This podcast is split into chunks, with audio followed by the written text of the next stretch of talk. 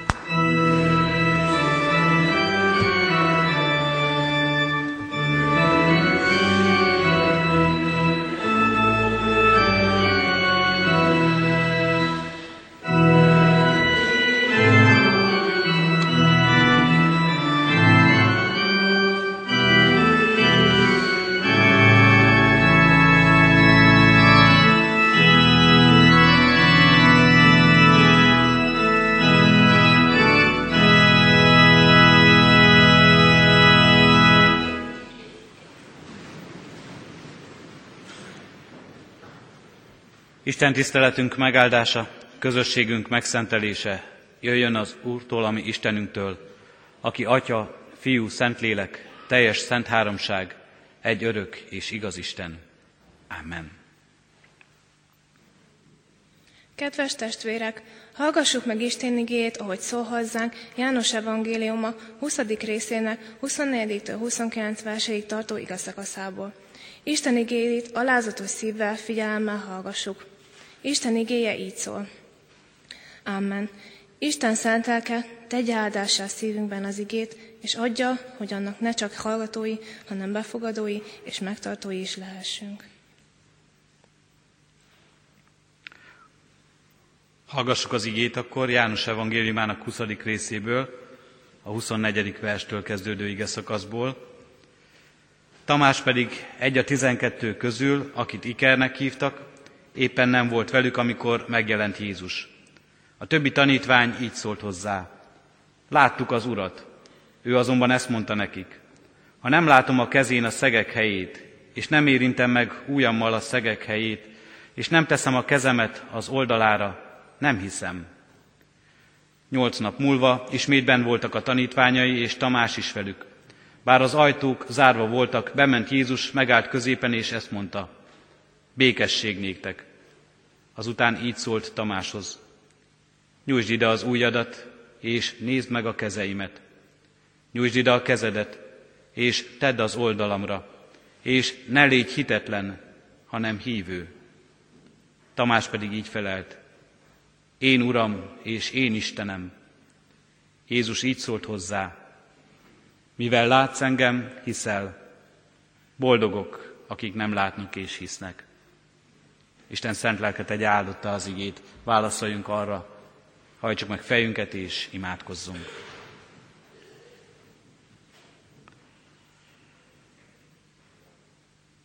Urunk Istenünk, élő Jézus Krisztus, könyörgünk hozzád, hogy küld el közénk szent lelkedet. Erősödjünk meg és épüljünk a hídben. Ne legyen kételkedés, ne legyen hitetlenség a mi szívünkben. Ajándékozz meg minket, Urunk, a Te jelenléteddel, és ajándékozz meg minket a veled való találkozással. Tudjuk, Urunk, hogy magunktól méltatlanok vagyunk erre. Tudjuk, Urunk, hogy és érezzük, hogy oly sok minden elválaszt tőled. Olyan messze van a mi életünk bűneinkben, szentségtelen és igaztalan voltunkban, a Te igazságottól, szentségettől és fenségettől. De mégis azzal a reménységgel hívunk és várunk, Urunk, ahogyan Te kijelentetted magad fiadban, Krisztusban, hogy ott van benned az az aláhajló szeretet, amely nem bűneinkre tekint, nem méltatlanságunkat nézi, hanem kegyelemre szorult állapotunkat. Ezért kérünk-e kegyelemért, kérünk és könyörgünk, jöjj közénk, áld meg minket. Adurunk, hogy hiessük és elfogadhassuk, Te vagy az élő Úr, és vallhassuk mi is, én Uram és én Istenem vagy Te. Uram, Ura az életemnek, Istenem, az egyedüli Úr, akinek minden hatalom a kezében van, menjen és földön. Így hívunk és így várunk, így könyörgünk a Te szabadításodért, megváltásodért, megújító kegyelmedért. Hallgass meg, kérünk. Atya, Fiú, Szentlélek Isten. Amen. Ige hirdetésére készülve testvérek a 372. dicséretünket énekeljük. A 372. dicséretünknek első versét, könyörögjünk az Istennek szent lelkének, így kezdődik az énekünk. az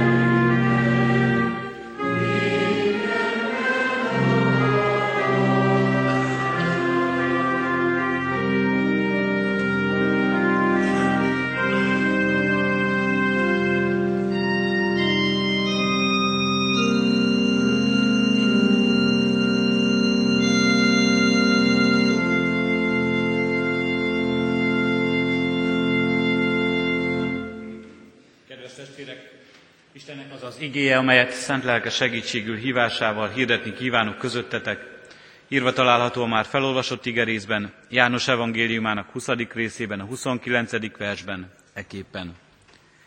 Mivel látsz engem, hiszel, boldogok, akik nem látnak és hisznek. Eddig az írott ige.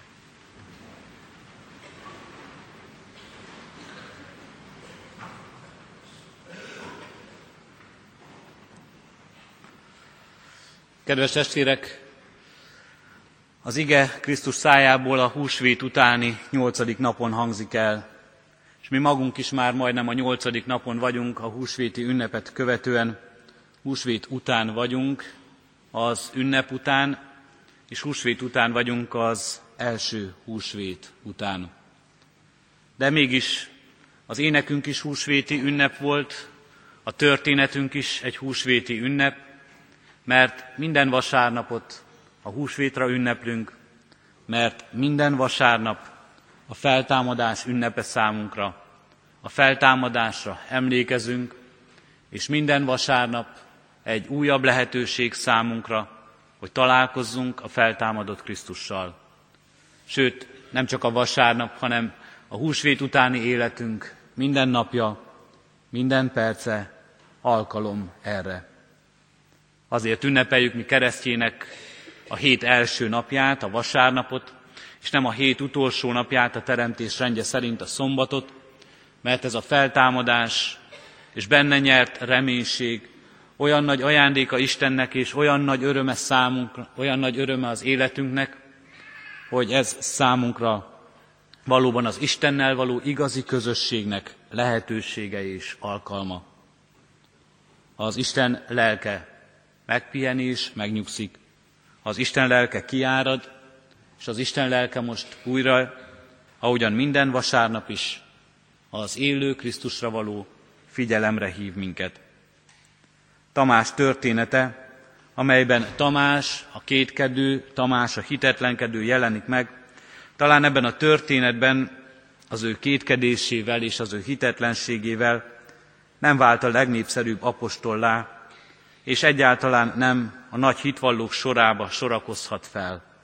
Nem úgy, mint Péter vagy János apostolok. Tamást, az apostolt egyébként nem is említi más evangélium név szerint, csak János evangéliuma.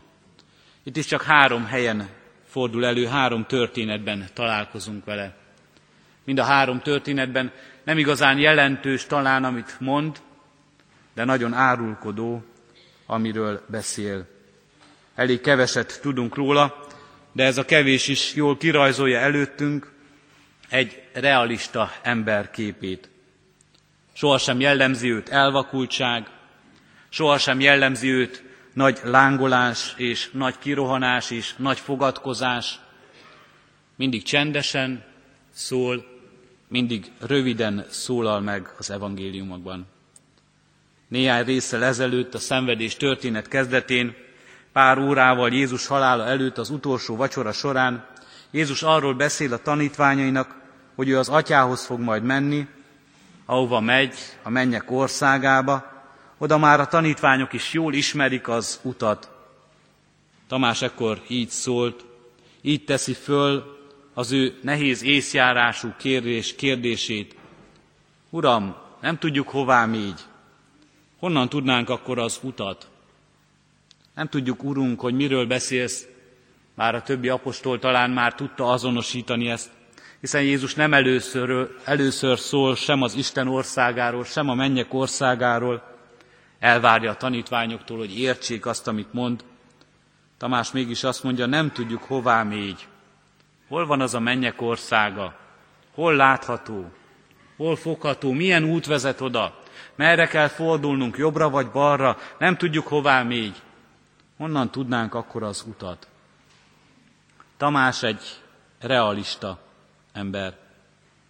Talán ez is indokolhatja azt, hogy miért nem volt együtt húsvét vasárnap a többiekkel, amikor a többiek találkoztak Krisztussal, amikor Jézus először megjelent nekik. Talán Tamás, a realista apostol már leszámolt magában ezzel a Jézus történettel. Arra gondolt, hogy vége van-e történetnek. Szép volt, jó volt, de a keresztre feszítéssel, Krisztus halálával véget ért. Nem lehet ennek már folytatása. És az, aki összetartott minket, az, aki összefogta ezt az apostoli közösséget, nincs itt már, és ezért ez a közösség is csak idő és óra kérdése, semmivé lesz. Talán még nosztalgiázhatunk, talán még felidézhetjük a szép emlékeket, de igazán értelme és jövője nincs már ennek, mert nincs itt a feje, a vezére, a mestere, a rabbia ennek a közösségnek. Egy teológus azt mondta erről az apostolról, Tamás valójában a mi apostolunk. Tamás igazi modern ember. Tamás a 20. század apostola. Bizony, ebben a történetben, amelyet hallunk, amelyben Tamás megjelenik a kétkedésével, és a hitnek, a hitvalláshoz szükséges bizonyítékoknak a kikönyörgésével, megjelenik az emberi kétkedés, amely oly jellemző korunkra, amelyben a híres Dékárti hangsúly, amelyet mi még csak úgy tanultunk meg, hogy gondolkodom, tehát vagyok, átbillen a másik nagy alapigasságára, kételkedem, tehát vagyok. Állítólag ez a Dékártnak tulajdonított gondolat így kezdődik. Kételkedem, tehát gondolkodom, gondolkodom, tehát vagyok, és így fejeződik be. Vagyok, tehát Isten van. A hangsúly Tamásnál is, a 21. század emberénél is. A kételkedem, tehát vagyok kijelentésen van. Kételkedem mindenben, ami körülvesz engem. Kételkedem a világban, és csak azt fogadom el, ami látható, ami kézzel fogható, ami megmagyarázható, logikus, racionális érvekkel igazolható az életemben. Kételkedem mindenben. Kételkedem a másik emberben, kételkedem még önmagamban is, kételkedem az életemben, értelmében és céljában, és semmit sem fogadok el, ami magától értetődő e világban. Semmit sem fogadok el, evidensnek. Sokak szerint a modern kor nagy válsága annak köszönhető, hogy az evidenciák meghaltak. Ami egyértelmű volt, ami egyértelműen elfogadott alapigazsága volt az életünknek, és amely végig kísérte évszázadokon keresztül az emberi életet, mint alapigazság, amelyet senki nem vont kétségbe, nem kezdett ki, azt a mai, azt a modern ember a kételkedés jogának fenntartásával mind kikezdi, mind megkérdőjelezi, és próbálja semmivé is tenni. És csak azt fogadja el, amit semmilyen racionális érvelés, amit semmilyen logikus gondolat, amelyet semmilyen tudományos teózis nem tud már megkérdőjelezni, és nem dönthet meg. Minden, ami nem ilyen az ember számára, az a kételkedés hatalmában van. Tamás nem csak kétkedő ember, mint mi, modern emberek. Tamás autonóm ember is. Nem hisz a többieknek. Miért is hinne? Mi sem hiszünk, sőt, még figyelmeztetjük is magunkat újra és újra, ne higgyünk mindent el, amit az emberek mondanak.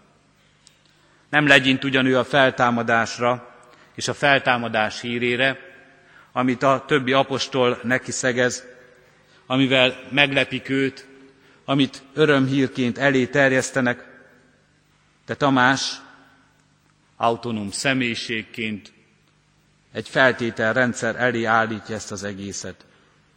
Ha én nem látom őt, ha én meg nem tapogathatom a sebeket, ha én be nem bocsáthatom az ujjamat az oldalába, én semmiképpen el nem hiszem.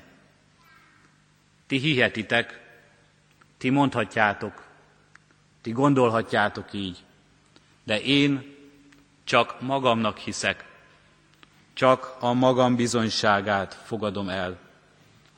Önmagát teszi mértékké Tamás. Én döntöm el, hogy igaz-e valami, vagy sem. Én döntöm el, hogy elhiszem-e, vagy sem. Senki más erről igazán meg nem győzhet. Tamás a 21. század apostola. A hitetlen Tamásban tűnik elő a kétkedő, a kereső ember, aki közülünk való, innen a mi világunkból. Előtűnik a szó kimondásában, a gyakorlatiasságában, a realizmusában, az autonóm voltában, könnyen magunkra ismerhetünk. És ezért talán olyan sokunknak, és nekem is bevallom, nagyon kedves ez a történet. Fiatal koromtól kezdve úgy gondoltam erre a történetre, mint biztatásra, mint remény sugárra. Ha Tamásnak sikerült, ha Tamást sikerült meggyőznie Krisztusnak, akkor biztos engem is sikerül majd. Ha Tamásnak megjelent, ha Tamást meggyőzte, akkor biztosan nekem is megjelenik, és biztosan engem is meg tud győzni. És kedves testvérek, jogos ez a reménykedés. Jogos mindannyiunknak ez a reménykedése, hogyha Tamásnak, akkor nekünk is. Mert ebben a történetben ez az egyik nagyon csodálatos üzenet, ez az egyik nagy szépsége ennek a történetnek, hogy Krisztus eljön Tamásért. Megjelenik csak Tamásért, és csak Tamásnak is megjelenik a Tamásokért újra és újra, hogy ők se vesztenek el, a kétkedők sem, a realisták sem, őket is meggyőzze. Ám ez a történet figyelmeztet is minket, hogy kicsit vigyázzunk ezzel a nagy azonosulással. Nem csak azért, mert Jézus hitetlennek nevezi őt, nem csak azért, mert Tamás kétkedő volt, és a kétkedése akár el is taszíthatta volna, vagy el is távolíthatta volna őt Jézustól, hanem azért is vigyázzunk ezzel, mert Tamást alapvetően boldogtalannak tartja ez a történet. Mivel látsz engem, hiszel, boldogok, akik nem látnak és hisznek, mondja neki Jézus. Tamás ugyanis nem boldogabb attól, hogy szókimondó. Nem boldogabb az élete attól, hogy gyakorlatias, hogy realista, hogy csak azt hiszi el, és csak azt fogadja el, ami van. Tamást alapvetően boldogtalannak, keresőnek látjuk, aki hinni szeretne, és boldogtalanná teszi a tudat, hogy nem tud hinni, hogy az élete tele van kérdésekkel, tele van kérdőjelekkel. A kétségek nem boldoggá teszik az embert, a kételj lehetősége, a kételkedés joga nem teszi boldoggá az embert, ezt mondja ki Krisztus. Boldogtalanságnak oka pedig az, hogy nem tud hinni, nem hisz, szeretne, de nem tud. Miben nem hisz itt Tamás?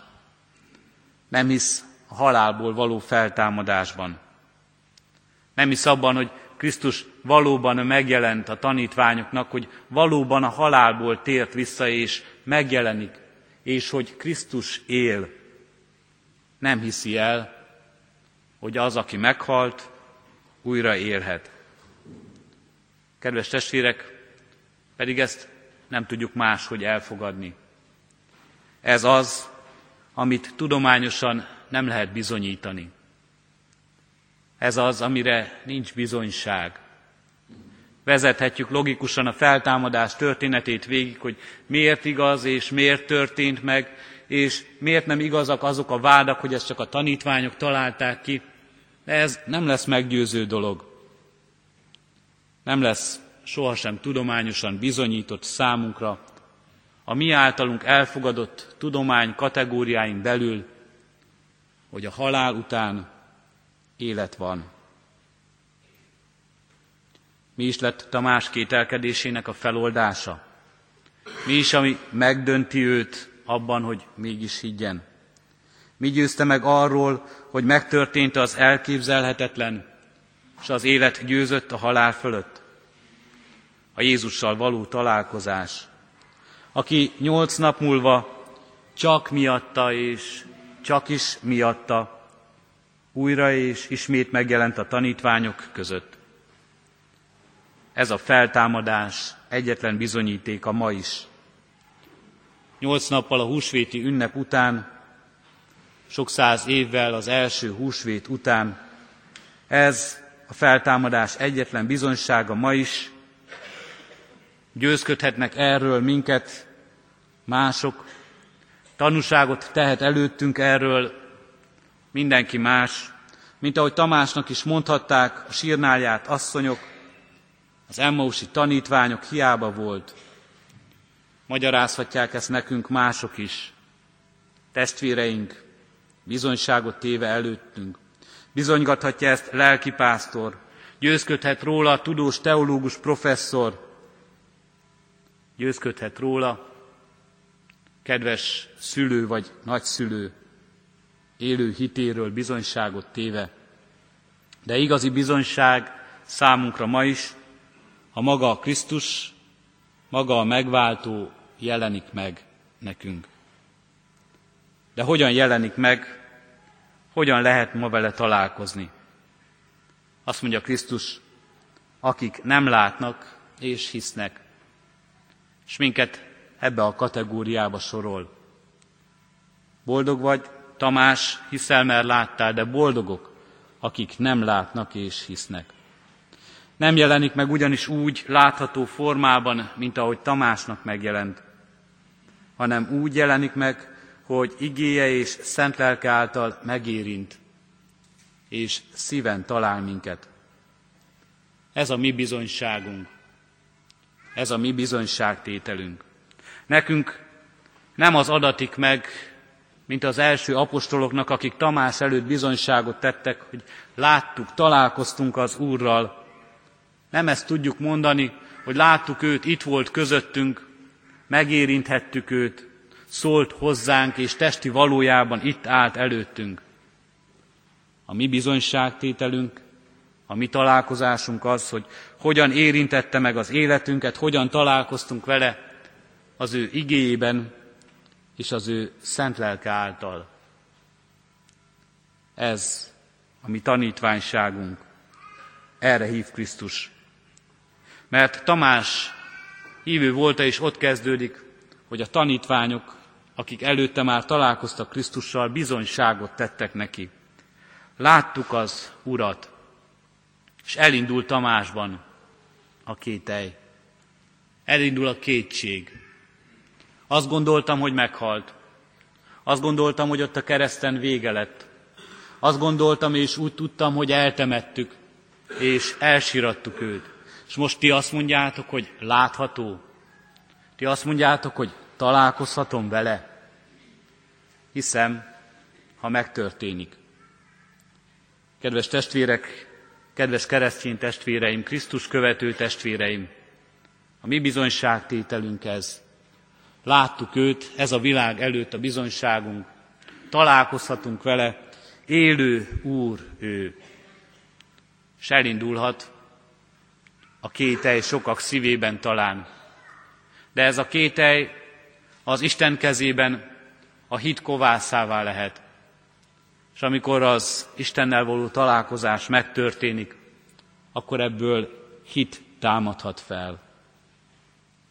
Nem úgy látható ő, hogy itt van testi formájában, hanem úgy, hogy igéje és szent lelke által megérintés szíven talál, hanem úgy, hogy szent lelke által ebben a közösségben, a tanítványi közösségben elfogadhatóvá teszi a bizonyságtételt. Megkérdezhetnénk, mint ahogy újra és újra kérdés számomra is a történet kapcsán, hogy kinek van könnyebb dolga, Kinek van könnyebb dolga? Könnyebb dolga volt Tamásnak, mert láthatta testi valójában Krisztust. Mert ha úgy volt, megérinthette az ő sebeit. mert beszélt vele és szemtől szembe látta, vagy nekünk van könnyebb dolgunk, akik nem látunk és hiszünk, és boldogak vagyunk ettől. A könnyebbség nem itt van. Becsapós a kérdés. Mert hogy nem nekünk kell munkát végeznünk ebben. A nehezét, a nehéz munkát Isten végzi el, és Isten végezte el. Isten végzi el ma is, és nekünk kérni kell tőle. Uram Istenem, kétségeim vannak, hitetlenség gyötör. Nem hiszem, amit hallok, amit olvasok, amiről a bizonyság tételek szólnak, de elhiszem neked, ha te érintesz meg. Elhiszem neked, ha te jelensz meg az életemben. Bízzuk ezt a nehéz munkát az Istenre. Adjuk neki át a kétségeinket, a hitetlenségünket, és bízzuk rá magunkat, és legyünk nyitottak, hogyha megjelenik, tudjunk találkozni vele. Nem volt könnyebb dolga sem Tamásnak, és nem könnyű a ma kétkedőknek se a dolga.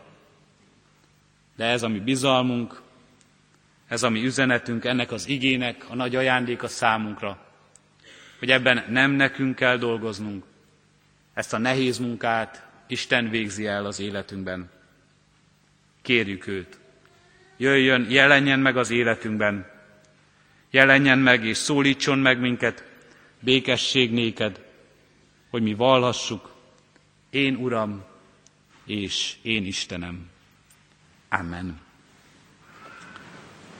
Az ígére felelve a 372. megkezdett dicséretünknek második és ötödik verseit énekeljük. A második vers így kezdődik, Ó Szentlélek árváknak, kegyelmes atya.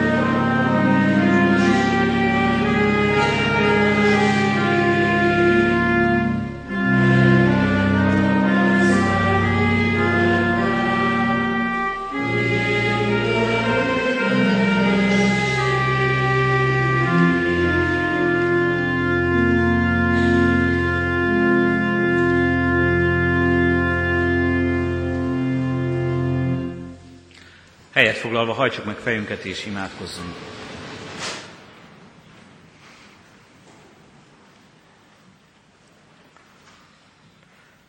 Urunk Istenünk, háladással köszönjük neked, ha ott lehet szívünkben az élő hit, és húsvét üzenete nem csak az ünnepen szólított meg minket és nem csak az ünnepre szólt, hanem elkísérhet életünk minden idején, minden napján.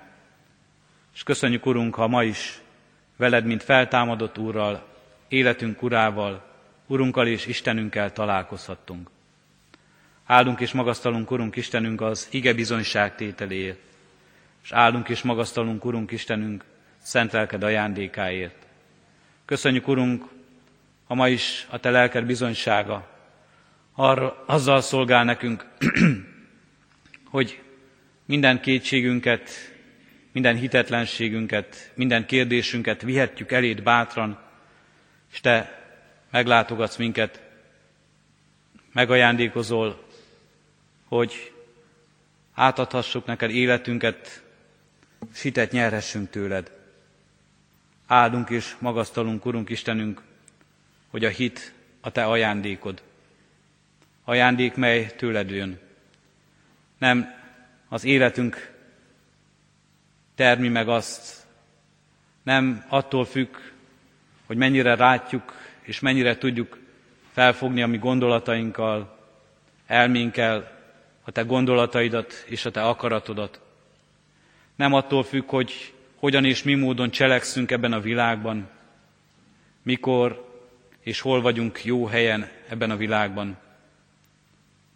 Nem emberi és világi körülmények adják nekünk a hitet, hanem Te adod azt nekünk a Te lelked által ajándékba. Kérünk és könyörgünk, Urunk, hát, hogy növekedhessünk is ebben a hitben. Hát, hogy kérdések és kétségek idején is erős bizalommal és bizonyossággal bízzuk rád magunkat. És addurunk, hogy ne csak mi hihessünk, és ne csak mi növekedjünk ebben a hitben, hanem a mi hitünknek bizonyság tétele által növekedjék ez a világban is.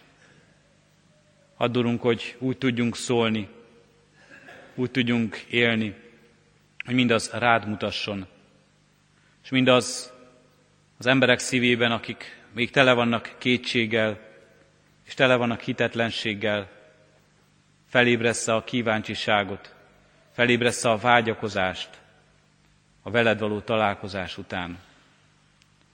És köszönjük, Urunk, hogy így bízhatjuk rád ezt a világot, amelyben élünk.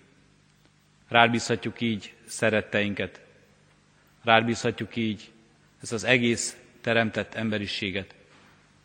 Hogy a te kezedben van mindannyiunk élete egyen-egyenként is, és ahogyan bennünk elvégezted a te munkádat, és ahogyan nekünk lehetségessé vált, hogy hitetlen emberből hívővé váljunk, hogy kétkedéseinket elvedd, és bizonyosság töltse be a szívünket. Ugyanígy igaz ez, és ugyanígy lehetséges ez mások számára is.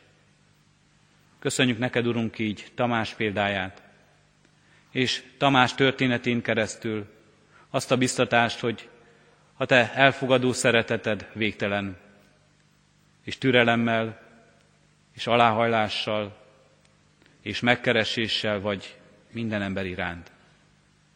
Kérünk és könyörgünk, Urunk, így, hogy így hordozd mindazokat, akiknek az élete és a szíve valóban tele van kétségekkel és hitetlenséggel.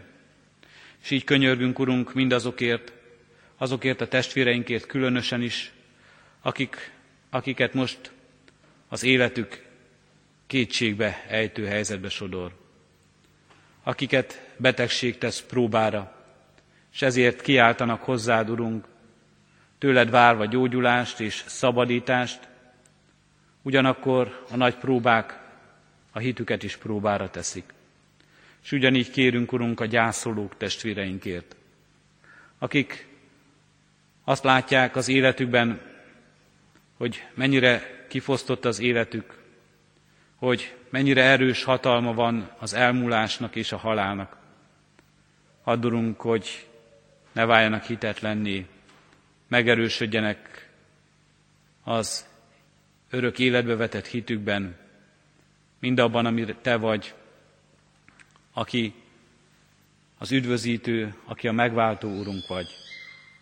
És ugyanígy könyörgünk, Urunk, a kiszolgáltatottságban, a szegénységben, az üldöztetésben élők élő testvéreinkért, mindazokért, akik hozzád kiáltanak, akik tőled remélik a segítséget, akik tőled remélik az életükben a békességet és a boldogságot.